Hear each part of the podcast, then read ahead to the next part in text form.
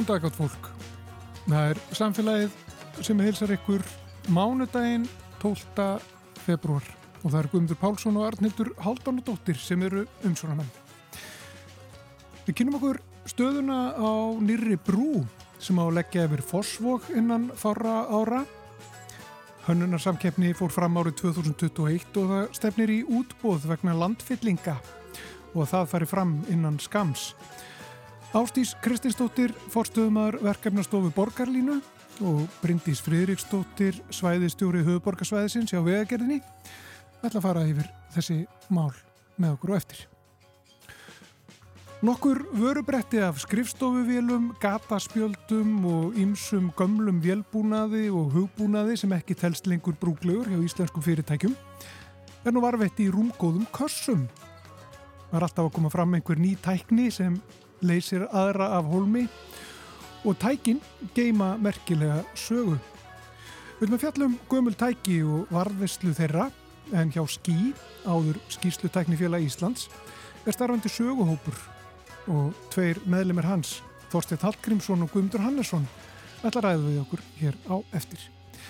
Við erum svo málfarsmínútu og fáum bolludags glaðning frá Sapni Rúf. En við byrjum á öldu nýri brú yfir Fossvog eftir eitt lag.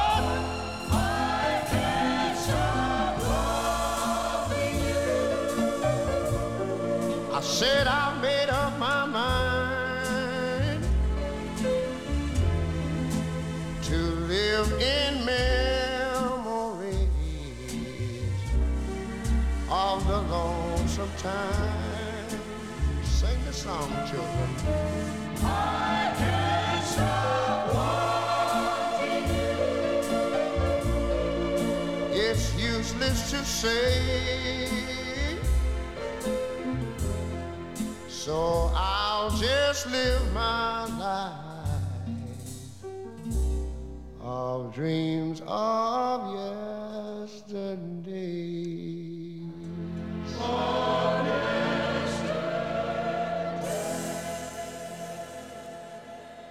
Þetta var Ray Charles og uh, I Can't Stop Loving You. Við viljum að tala aðeins næstu mínutunar um öldu. Alda er ný brú yfir Forsvokk og uh, það var nú haldinn hönnunarsamkeppni uh, 2021 um þessa brú yfir Forsvokkin og um, núna er, já hvað, á hvaða stíi er í rauninni þessi brú núna, hún er á uh, áallum, það á að að ráðast í gerð þessarar, þessarar brúar. Það eru sestir hjá mér Ástís Kristinsdóttir, hún er fórstöðum aður verkefnastofu Borgarlínu og Bryndis Friðriksdóttir, svæðistjóri höfuborgarsvæðisins hjá vegagerðinni. Verið velkonar í samfélagið. Takk fyrir. Já, hvar erum við stött með þessa brú? Hver, hvernig, hvernig svona gengur þessi hönnunavinna og, og hvert eru komin? Jú, hönnunavinnan gengur bara vel og hérna, þetta er sem sagt e, það verkefni í fyrstu lótu borgarlínunar sem fer fyrst í framkvæmt og við erum að bara leggja loka hönd á verkhönnun verkefnisins núna og það er stemt af útbóði á landfyllingum á komandi. Já. Við erum komin á þennan stað. Já, þannig að það bara verið að fara í útbóð. Já, við mögum bara búast í útbóða á næstu mánum. Við erum bara verið að vinna í framkvæmda leifum og, og loka útfæslum og hérna, og það gengur bara vel. Ef við förum aðeins yfir, sko bara hvaðan, uh, sko milli hvaða punta þessi brú uh, liggur?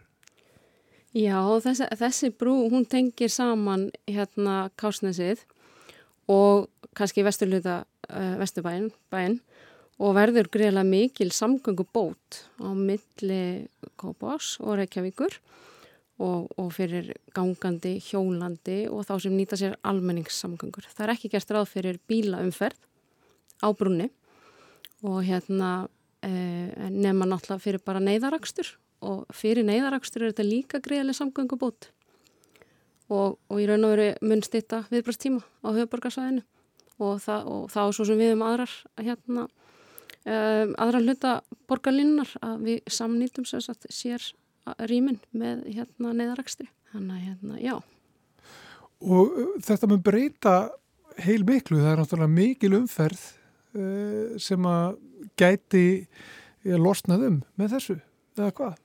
Það er náttúrulega margmiðið með borgarlínni er að bjóða fólki upp á annan valkost í ferðamáta og þetta á sér stóði svæðiskipula hugborgarsvæðisins þar sem að margmiðið er að fá fleiri notendur í almenni samgöngur og vistvanna samgöngur. Þannig að það er von okkar að þetta muni veita fólki annan valkost sérstaklega sem er að koma úr Kópa og í Garðabæ og Hafnafyrði og leðininn er í miðbæ eða á Háskólasvæðin. Tvö. Og það skiptir máli hvernig svona brú uh, er, er unnin og hvernig hún virkar og líka hvernig hún lítur út. Já, það, það skiptir gríðarlegu máli. Við fundum það alveg þegar við vorum að undirbúa verkið á sínum tíma. Þetta er verkefni sem að við gerðum vinnur í samvinnu við Reykjavík og Borg og Kópavók að það var mikil áhersla að lögða það hjá sveitafélum að þetta er því fallet mannvirki. Að því þetta verður mjög ábyrjandi í borgamyndinni. Já. Og þess vegna var valið að fara í hönnasamkjöfni með brúna. Og niðurstafan var brú sem að mun vera gölluð Alda? Já, það var tillega þeirra sem að voru sigur, sem að unnu samkjöfna. Þau eru völdu nafnið. Já, og hvernig, hver er svona hugmyndin, hugmyndafræðin einhvern veginn að baka þessa brú? Já, það er náttúrulega bara var lagt upp með þetta væri, er því svona kennileiti á svæðinu og hérna, og ég held að hún verði það vissulega, þetta er stálbrú uh, og, og hérna og tekur svolítið mið af því svo nafni gefur til kynna, svona öldu, öldum í, í sjó og hérna ég held að þetta sé eins og menn, kannski margir sé myndir af henni, þetta verður held ég klálega mannverki sem við getum orðið stolt af og til langs, langrar framtíðar. Um, en það er auðvitað eitt sem hefur auðvitað gæst er að þetta eins og ég sagði, þetta er stálbrú og, og það er ákveðin, ákveðin áskorun í, í útöfun á stáli til dæmis núna sem er til dæmis að skila sér í, í hækkun á kostnæraáallun því að frá því að, að hérna, fyrstu áallanir voru gerðar þá hefur til að mynda stál hækkað um 50% á hausmarkaði vegna stríðs í Úkræn og annara ástæðana. Þannig að það, það hefur til dæmis verið dál til áskorun. En hver er vermiðin á brúni? Verðmiðin á brúni er 8,3 miljardar í held og það er sérstaklega með hönnun og frámkvæmt og umsjón og eftirlit og öllum, öllu tilherandi mm. og mhm. þetta er sérstaklega bæði landfylling og brú. Og er, uh, er frámkvæmdin, er það vegagerðin sem, sem fer í þessa frámkvæmd? Eh, þetta er samstagsverkefni, við erum vegagerðin er að vinna þetta fyrir betri samgöngur sem er félag sem heldur utanum verkefni samgöngur sáttmálans og borgarlínan og fórsvarsbrú falla þar undir en vegagerðin mun vera framkvæmdar aðilinn að verkinu. Hvernig, hvernig svona mm, tengist þessi brú síðan stóru myndinni þegar við erum að tala um borgarlínu? Hvernig, hva, hvað hlutverki gegnir þessi brú?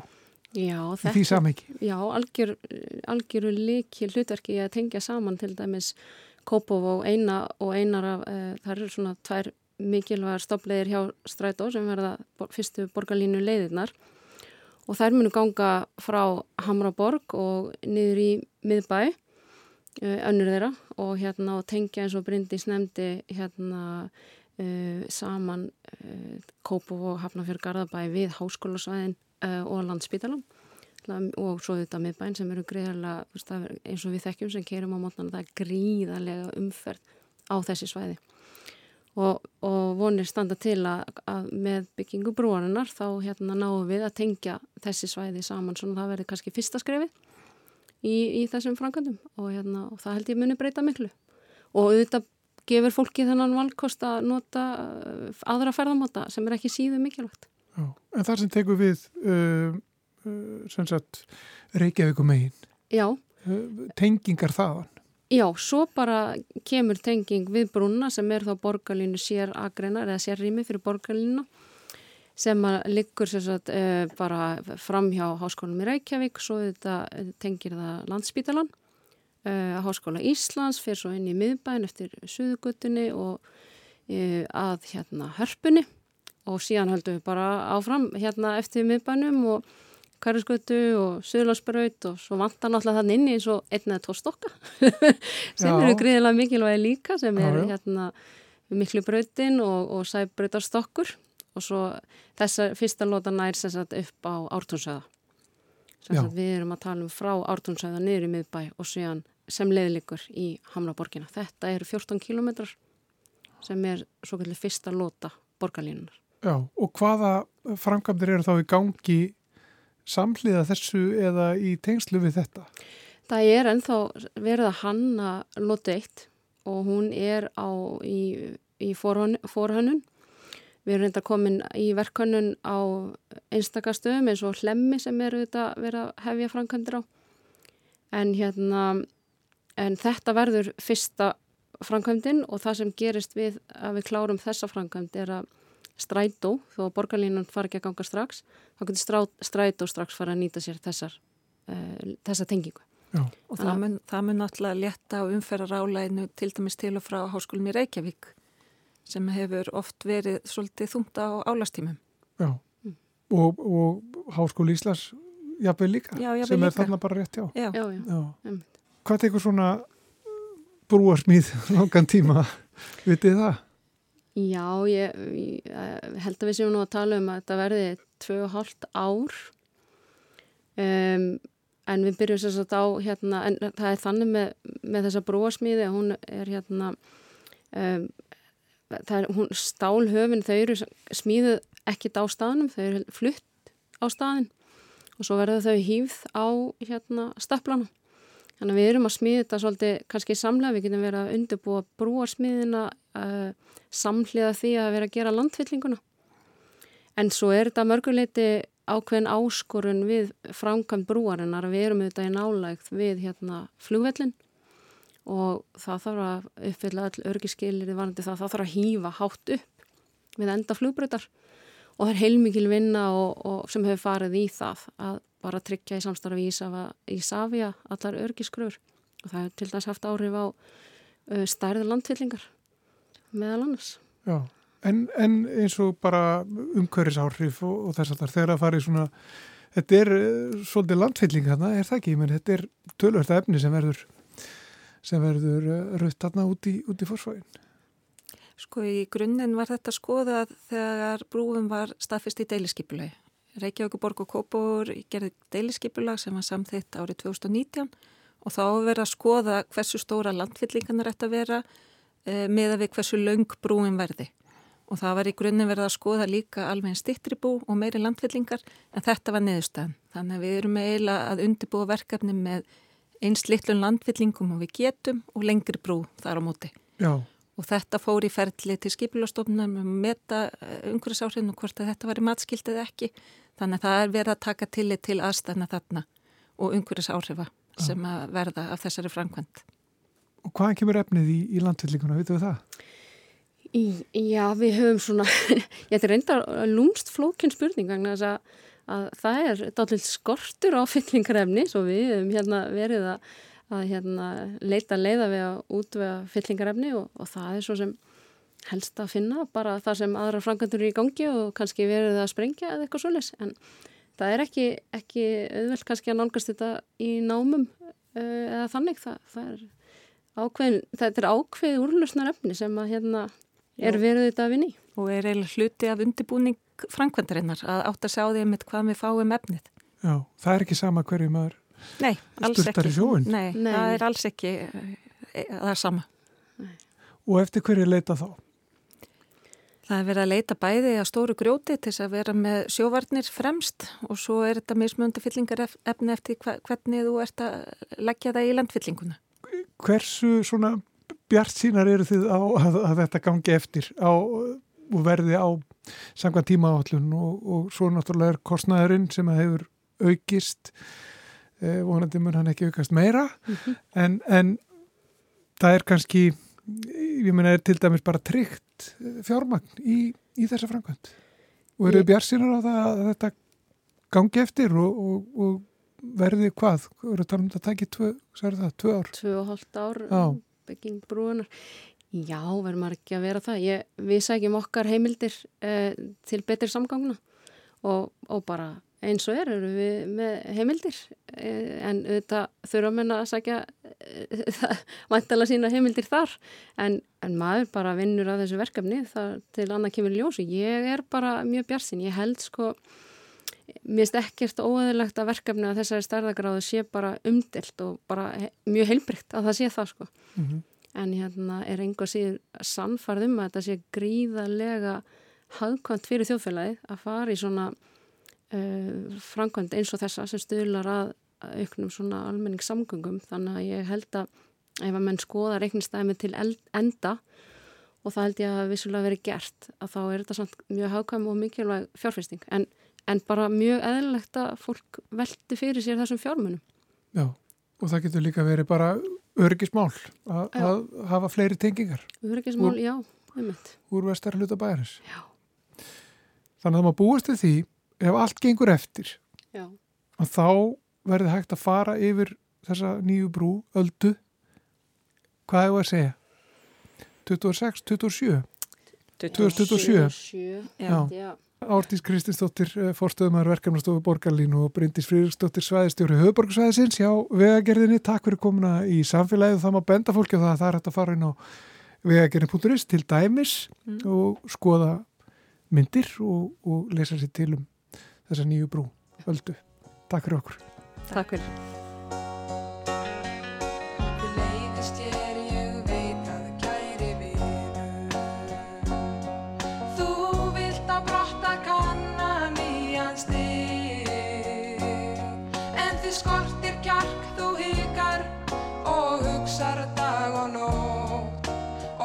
Óttist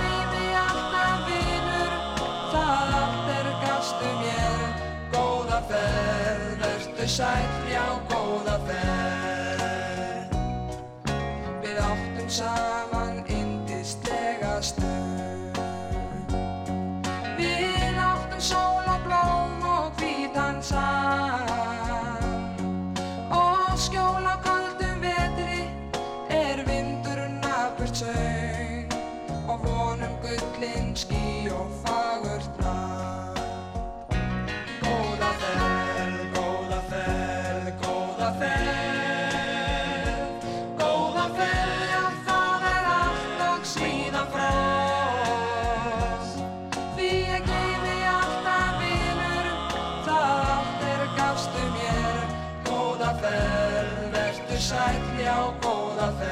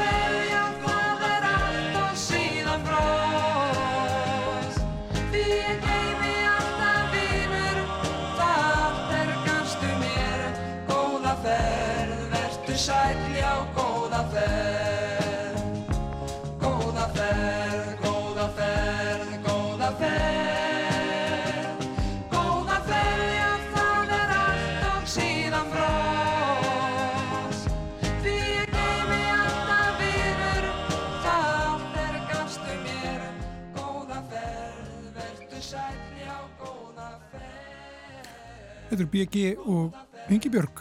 Lagi Góða ferð, lag sem kom út fyrir 50 árum síðan. Ára 1974 og uh, þetta er sagt BG og Ingi Björg. BG var Baldur Germundsson og uh, Ingi Björg var Ingi Björg G. Guðmustóttir en áfram höldum við með samfélagið. Það er alltaf að koma fram einhver ný tæki. Við lifum á tækni öld og það er í raun ekkert nýtt því að síðastlina áratugju hefur verið talað um hraða nútímans og hvernig tækninni flegir sífælt fram. Tækin takaði sér fleiri verkefni sem að áður þurft að leysa handvirt og það var orðið í mis kynnslóða skipti á tæknisviðinu. Ný tæki sem að leysa önnur á hólmi. Og allt öðruvísi umhors á skrifstofum fyrirtækja í dag heldur en var kannski 1970 eða 1950. Við ætlum að fjalla um gömul tæki og varðvislu þeirra en hjá skýrslutækni félagi Íslands, SKÍ, er starfandi söguhópur og við erum svo heppin að tveir meðlumir hans eru komnir hingað í samfélagi í dag. Það eru Þorstein Hallgrímsson og Guðmundur Hannesson. Velkomnir báðir í samfélagið. Takk fyrir. Getið þið sagt mér aðeins frá tildrögum þessa hóps, sögu hóps skí?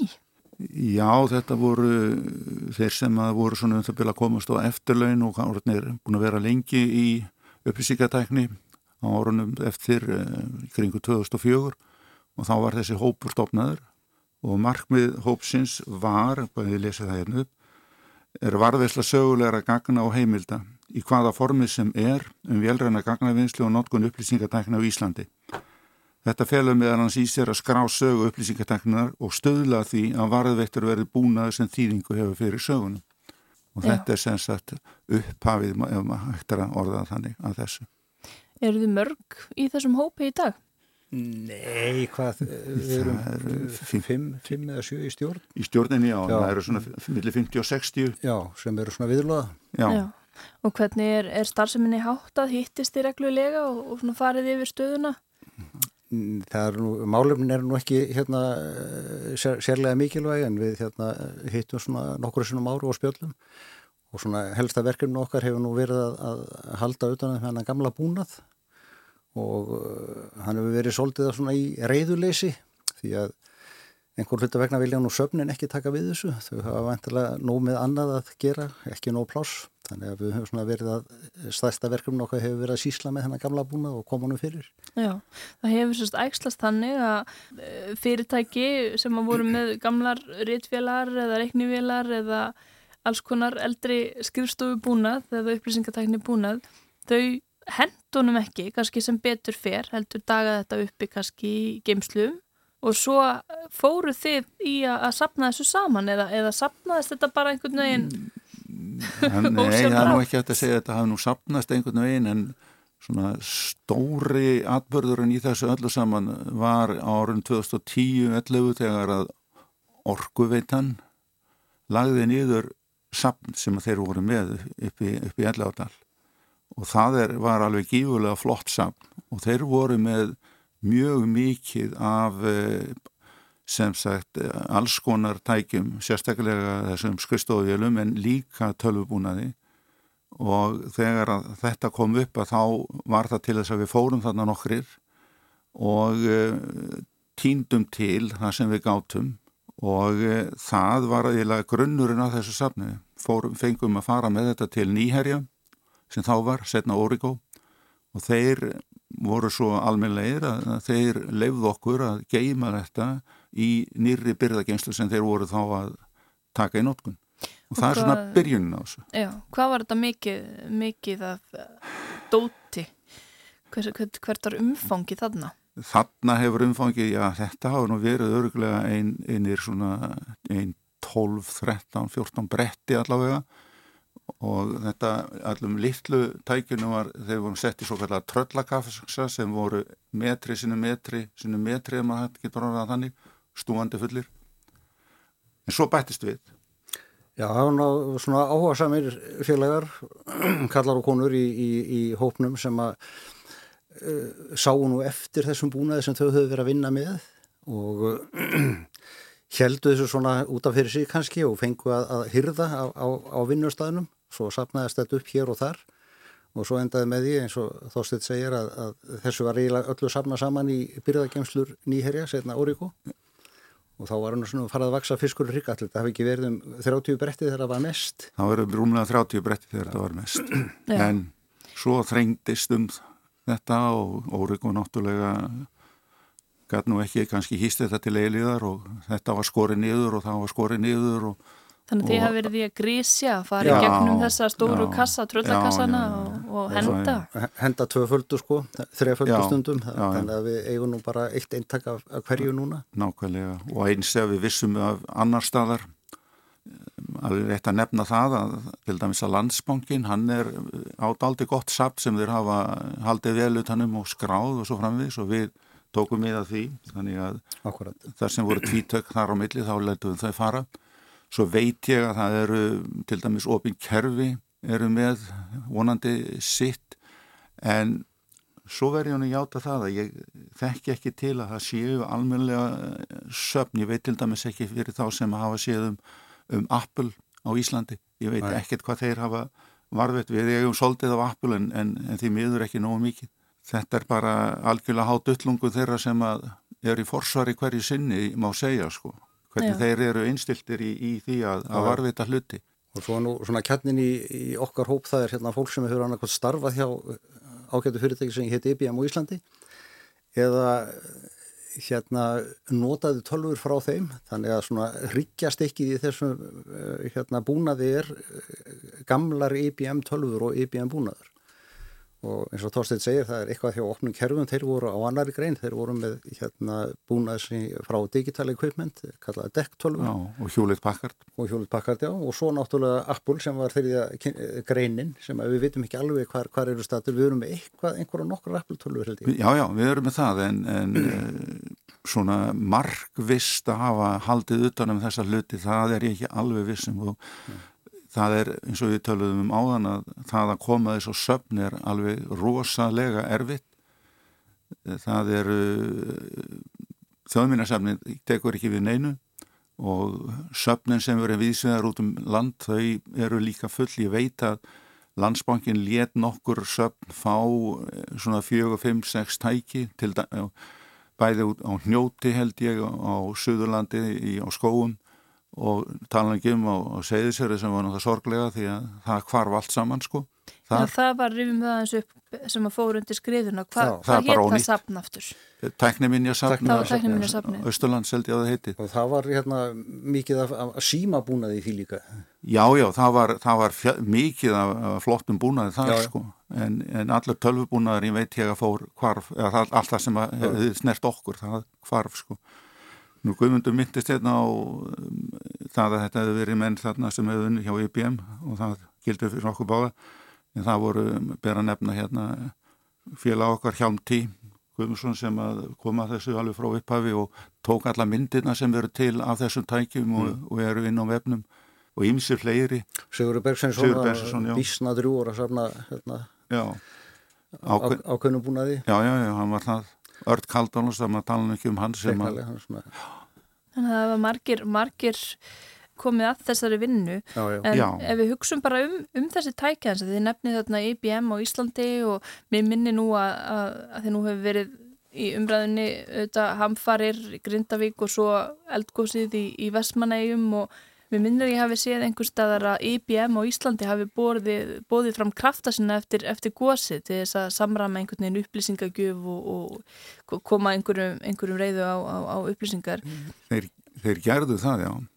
Um, ég las það að það einhver tíman þarna, veit ég hvort það veri góðsýður í janúar, þetta er einhver tíman vendanlega februar, byrjum mars. Þá kom IBM og bauð fram hjálpið að skrá allt sko Já. og þannig erum við að tala um árið 1973 já, já. þannig að ef við hugsun bara sko tölva þá er sannilega ekki það sem maður sér fyrir sér þegar tölva er nefnd á, á nafni í dag og tölvu búnaður, þetta er eitthvað allt annað. Nei, nei, það, nei, það var allt byggt á gatspjöldum á þeim tíma.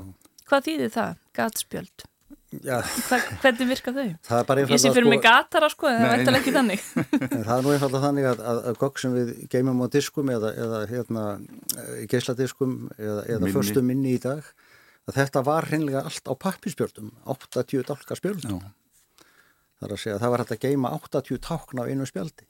Og svo voru bara heilu kassanir af þessu. Og bókald fyrirtækja það kom bara til dæmis í þremu kössum og var unnið úr því einu sinni mánuði Já, þannig að þetta eru forverar diskettana Já, nákvæmlega. þessi gataspjöld. Já, nákvæmlega, nákvæmlega og það, það má segja sem svo að þarna í kringum fyrir 1970 þá fær, þá eru komið segulbönd og seguldiskar líka mm -hmm. stórir hlungar en allt, allar færslur, allt sem var til, hvort sem var lagarfærslur eða hýtavestreikningar eða ramasreikningar eða hvað það var, það var allt skráð á þessi spjöld og síðan kerti gegnum kerfin og það var ekki til á þessum tíma sem við erum að tala um þarna sem hétt eh, að vinna þetta beint, sem sagt þannig að þú fengir, fengir beinan aðgang á gagnunum og getur uppvart þau á þess að vera með eitthvað svona millistig, semst í gegnum það var alltaf runuvinnsla un, unnið í sköndum og, og spjöldin voru götu í sérstökum götunavélum, það var svona svo rítvelarinn í staðin fyrir að kom staðverð að þá kom gati í spjaldin á tiltökunum stað.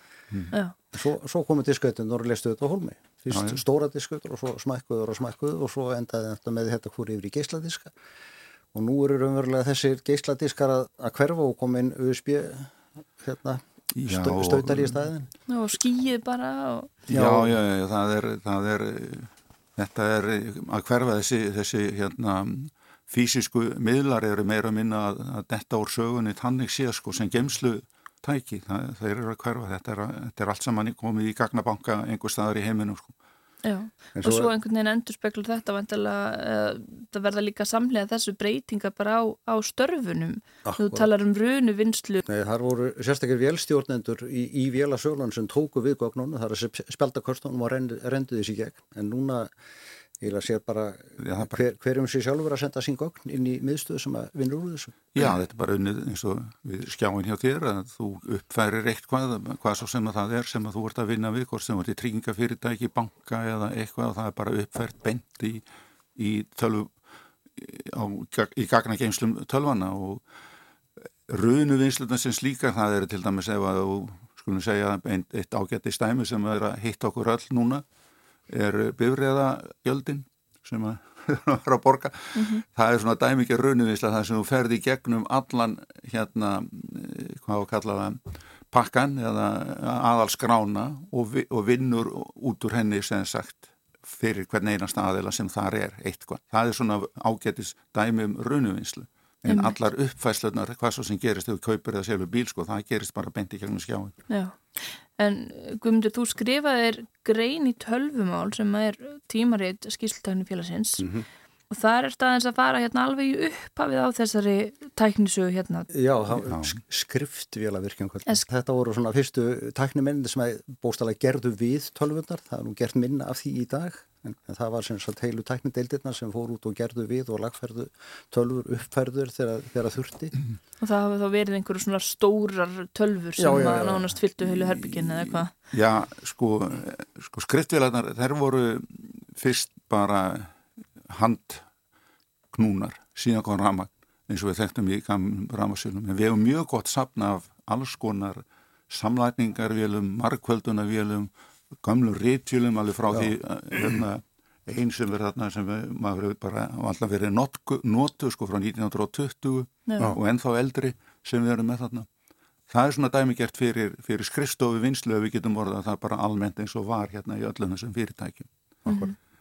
Og svo eigum við þarna sem að tengist náttúrulega ekki nútíma tölubúnaði sem að var þessi gatspjaldabúnaður. Við eigum næstum því heila vinslu línu, vantar bara eitt tæki sem er aldrei stort reyndar held, svona 700 kíló eða eitthvað Já. svo. Já, En- já. En um, Og af, af hverju samanstóð þessi vinslulífina? Hva, hva, getið þið það- nefnt þessi tæki? Ef já, einhver við getum- hlustendur kannast, kannast við einhver þeirra? Já, við getum byrjað náttúrulega ga- gatarar sem kallaður voru, það voru þeir sem byggu til spjöldin sem voru notuð síðan var þeim raðað í, í raðara í, í rétta röð og síðan var annað tæki sem hétt svo kallahu samraðari sem raðaði saman sem sagt um, aðalskráni við færsluna sem þú ætlaður að nota og síðan var þetta tekið yfir í enn eitt tæki sem var hvað ég kallaði markvaldari og, og samla, samlagningavél sem að síðan bjóð til spjöld sem síðan voru tekin í, í lokin og sett yfir í, á síðasta stíði sem var yfirleitt það að skrifa eitthvað út reikninga, skýrslu eða eitthvað svolítið sem byggðist á þessum því sem þú veist að vinna með. Það, það var loka afurðin, það var að prenta, prenta þetta út Já, því að skjárnir var- voru ekki til Nei, Nei. nei, nei. Og sko, af þessum sapkosti, ég veit ekki hvort þá kallar þetta sapkost, en þessum hlutum sem að þið eigið í kössum, er eitthvað sem að er í sérstöku uppáhaldi hjá ykkur eða þið tengi við ykkar störf og, og svona þegar þið voruð að byrja í fæinu? Já, vissulega, það eru hérna, tölvur sem mað, maður vann við bæði hérna fyrstu vélarna sem voru uh, notuðu diskettur og svo fyrstu skjáinir sem eru hérna, bísna stóri túpu skjáin náttúrulega. Þetta eru hérna afskaplega hérna, virðuli og, og, og, flott tæki en þykja náttúrulega kannski ekki parfín í dag. Svo nefna svona eitt, eitt merkilegt að fyrsta fartölvan sem var svona eins og saumavél sem að 12, hvað var hann, 12 kíló eða eitthvað Já, svona það var eitthvað leis Já, sem IBM kom með á marka sko, það finnst mér stór merkilegt tæki. Það voru á stærfi stjórnborði hérna. Já, já, já, og, já svona og svo 50 náttúrulega cm eða eitthvað. og geta þess bara að, að þessi tæki sem ég var að tala um sem að unnu með þessi gatspjöld þau eru flest þeirra hjá Reykjavíkuborg sem heldur vel utan um það En sko þetta er vantilega endur spekla svona ákveðin tíðaranda og fólk tengir við þessi tæki sem hefur, hefur komið sér umgengist þau og tengist fólk tækjum svona ákveðinum tilfinningaböndum. Og nú tala um það að fólk á sumt margar kynsluður af farsímum í, í skúfum. Þetta Þetta er einhverju hérna- þjóna sem að það hefur að Við röft að skilja við. Við sjáum þetta nú stundum eh, í kringum annan búna, til eins og bíla, menn að fólk tekur ástfóstri við bíla, gamla bíla, Já, flugvélar, um, það er heilt flugvélarsapt til á Akureyri til dæmis. já. Og þetta er nú svona svipað með tölvunar allavega þennan hóp okkar, sko. Já, hver, hver hérna, nýju uppfærsla einhvern veginn skipar einhvern, einhvern sess. Já, já, vissulega, sko. En Þannig að þetta er svona, það er kannski það einmitt að að geta með því að halda utanum en að búin að endurskapa kannski bú, búið til síningu eh, það sem að væri hægt að sína hérna, svona voru skrifstofunar á þessum tíma og Vissulega. svona voru þær á þessum tíma vissulega. En á sama tíma er þetta kannski bara líka til þess að þetta glatist ekki. Því það verið að halda greinlega vel utanum og skrá og passa upp og það sé til allavega uh, það sem plássu fyrir, Já, eitt, eitt tækja á hverju gerð. Það er kortvekja, eins og segir sko að eh, passa upp á þetta og eins til að geta sínt annarkvort, já einhvern ákveðin hluta, þetta er of mikið til að sína þetta allt í, já, í einu, sem sagt í einu en uh, sem sagt þetta er kortvekja. Og svo er náttúrulega góðu fyrirtnar þegar að það eru til myndir af öllum sem búnaði. Já, Uh, Við við höfum tekið að látið taka myndir af öllu sem gemtir í korsunum og svo eru til hérna safn af myndum líka. sáum það. Hjálmtýr sáum það, já, Já. gott. Og svo náttúrulega er þetta myndir til þessu öllu saman á netinu og, og, og, og Mm. hérna viðræðna hjá okkur eða, eða samtali hjá okkur hefur oft verið í þá veru eh, er ekki allt í leið að geima bara mynda þessu Mhm. eða eigum við að geima fysiska hluti. Já. Já, það er spurning og einmitt kannski ef að það þrengir aftur að þessum, þessum hlutum og þið þurfið aftur að fara að fara í gegnum þetta en draumurum væni vantalega að reyna að, að annarkvort komu svo að á einhverju safni sem er þegar til eða, eða stopna ykkar eigið safn Akkurat. eða hvað. sjálfsögðu. En svo er svona skemmtileg hugreining að það eru svona ákveðin hluti sem eldast ekki. Já, Uppurlega hétt félagið skýslutakni félag Íslands vegna þess að það- það var aðalega unnið með skýslur eða gerðar skýslur út úr gognum frá gatspjöldum. Í dag heitir félagið ský Já. og það vill nú svo til að eiginlega öll gogn er orðin geimt í skýi. sem er nú mesta vittlisa sem ég hef nokkuð tíman heyrt um að, að, að kalla þetta ský eða klát, þetta er svo þannig ruggla ertu, með, sko. ertu með betri tilögu? gagnaver, Gagnaver, já. já. ég meina það er bara þar sem þetta er gei Já, þetta kannski sem einmitt, blöndósi eða eða Akur- akureyri eða einhver staðar eða núna þetta blekkir fólk kannski, fólk eh, fyrir að halda að það sé ekki sko raunveruleg hlutir eða eitthvað bakvið Akkúrat. alltaf þessa Já. vinslu, þetta er þetta allt í bundið í hugbúnað, velbúnað, rábúnað, hvað þetta heitir allt saman. það er sjálfsögðu sko. Það með til líka að kalla þetta rafíkjauma með hérna og, sleppa á hugsunum, það er einfalt í.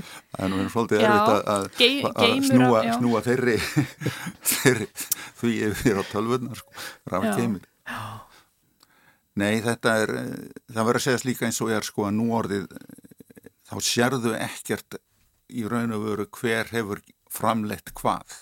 Eiginlega, það er eiginlega út til loka fyrir því nema þetta, þetta lítur allt saman eins út að verulegu leiti og, og, og tölfur og tölvuverin og, og þetta allt saman, þetta eru bara einhverjir kassar sem að þú ert með.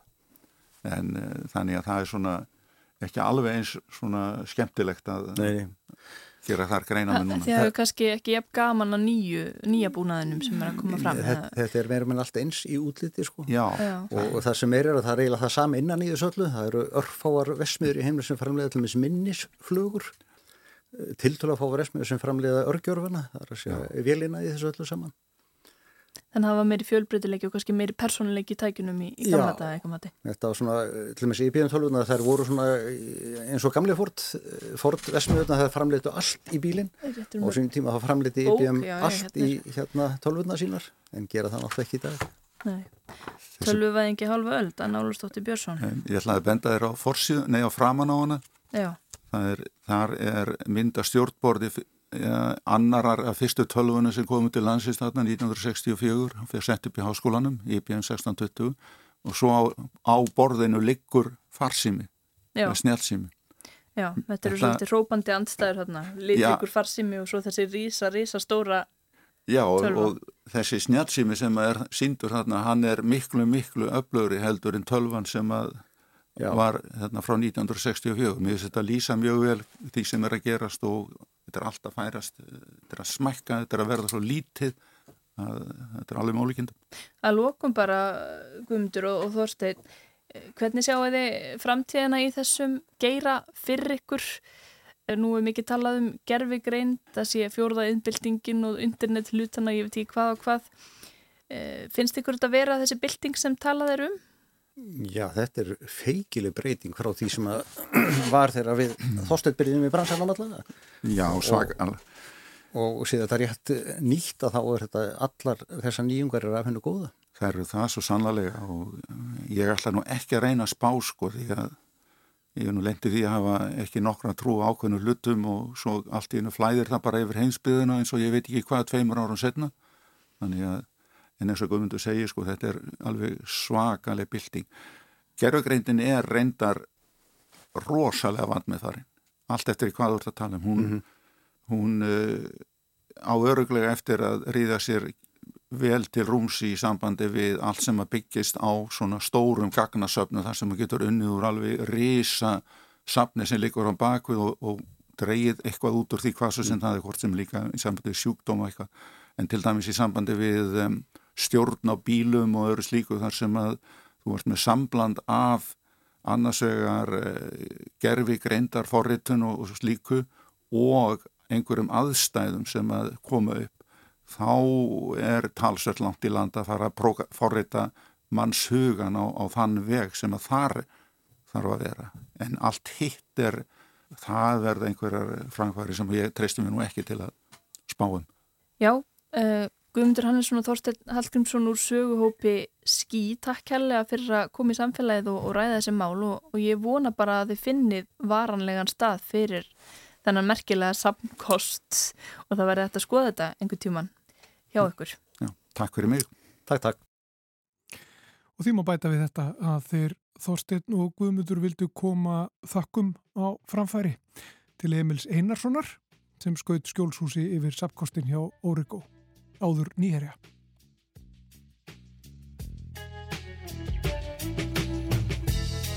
Baby, let's cruise away from here.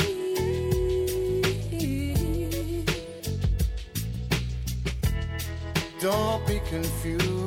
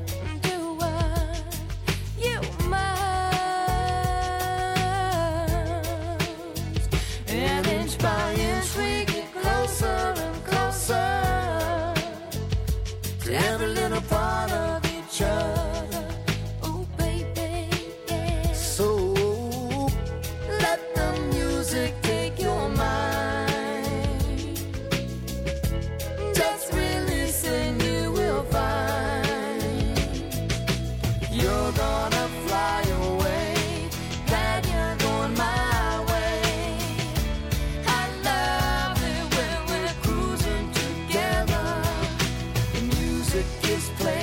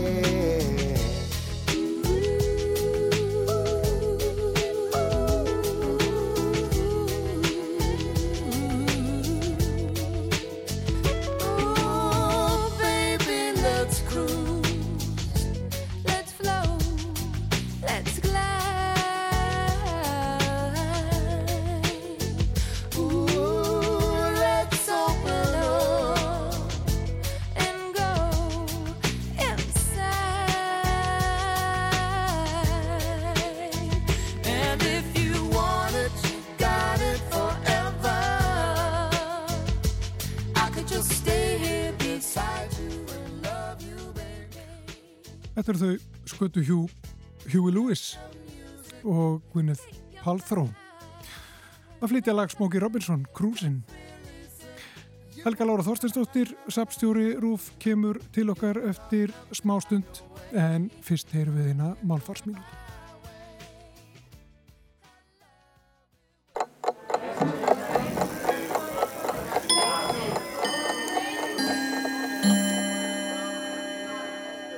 Mánudagur og þriðjudagur í föstu ingangi kallast bolludagur og sprengidagur. Föstu ingangur er síðustu þrýr dagarnir fyrir lönguföstu. Þessir dagar einkennast af miklu áti. Landin treður sig út af rjómabollum á bolludag og saltkjöt og bönum á sprengidag. Og þótt fæst taki lönguföstu bókstaflega, þá eru þessir dagar leifar af katholskum sið. Að borða vel áður en meinleita lífið hefst. Á 19. öld lærðu Íslendingar af dönum að gera sér gladan bolludag. Börn fóru um syngjandi og fengu góðgæti að launum.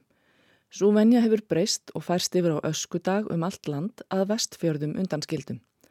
Þar er mánudagurinn enn einskonar kjöttkveðju hátíð barnana. Þau ganga í hús, klætti búninga og syngja og fá sælgæti að launum. Þar kallast þessi mánudagur maskadagur og aðtafið kallast að maska.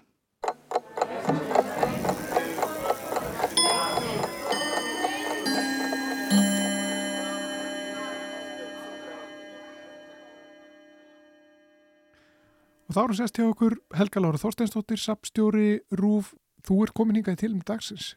Já, í dag er bolludagur og af því tilefni ætlum við að hlusta á símaviðtal sem hinn ástsæli útvarsmaður Stefán Jón Hafstein tók við Bryndísi Bjarnadóttur um bolludagssiði á Húsavík í gamla daga. Og viðtalið var flutt í morgunþætti Ríkisútarsins Gull í mund þann 14. februar árið 1983 og við heyrum hérna á eftir lýsingu Bryndísar en hún segir frá þeim óvenjulega sið húsvískra barna sem týðkaðist um miðja síðustu öld að fara inn í Svefnherbergi á heimili sko síslumasjónana Júliusar Hafstinn og Þórunar Jónsdóttur eiginkonu hans. Og börnin sem flengdu hjónin fyrir bollu börnin í þorpinu og þessi frásögn er ótrúlega lífleg og maður getur svona séð þetta ljóslífandi fyrir sér. En þetta er svona svo teikning í bók eftir Astrid Lindgren þar sem að börnin taka upp á svona ymsum djörfum rekkjum sem eru með einhverjum hætti sveipuður ljóma. En Július Hafstinn sem var svona hress á bolludaginn og hleyfti öllum börnunum í þorpunum í Svefnherbergi til sín. Hann var sérsagt síslumæður í Þingiðasíslu frá 1921 til 1956 Og hann var sko ekki síst þekktur fyrir það að verja um ára byl tómstundum sínum í að þýða Moby Dick á íslensku og laug verkinu nokkuru fyrir andlátt sitt. En við skulum bara heyra lýsingu Bryndisar á bolludeginum á Húsavík. Og, og hvenar er það? Þa, sko, þessi upplifun Bryndisar úr sinni æsku, þetta gerist einhver tíman um miða síðustu öld, en, en broti sem við ætlum að hlusta á, það var flutt í útdarpið 1983. Einmitt. Hlustum á það. Takk fyrir komuna Helga Lára Þorstinsdóttir. Og þá nú eiginlega komið að símatíma en núna rétt á þann fengum við uppringingu frá Húsavík og hún kom í tilefni dagsins. Það var Baldur Bjarnarsson Húsavík sem hindi og sað okkur endur að ná í sýstu sína að Bryndisi sem núna er í símanu vegna þess að hún kynni skemmtilega sögur af bóludeginum heima Húsavík. Bryndis, góðan daginn. Já, góðan daginn. Já, það var alveg frábær, frábær hérna, frábærir bolludagar á Húsavík í gamla daga. Það var nefnilega til Júliusar Hafstein, síslumans og kona hans frú Þórunar. Þau voru nú svo bad góð og indisleg að e, það var nú alveg hindi þess að þau ætti nú alla krakkan á Húsavík og svo tóku þau upp á því á bolludaginn að þau fóru bara ekkert á fætu fyrir hádegi.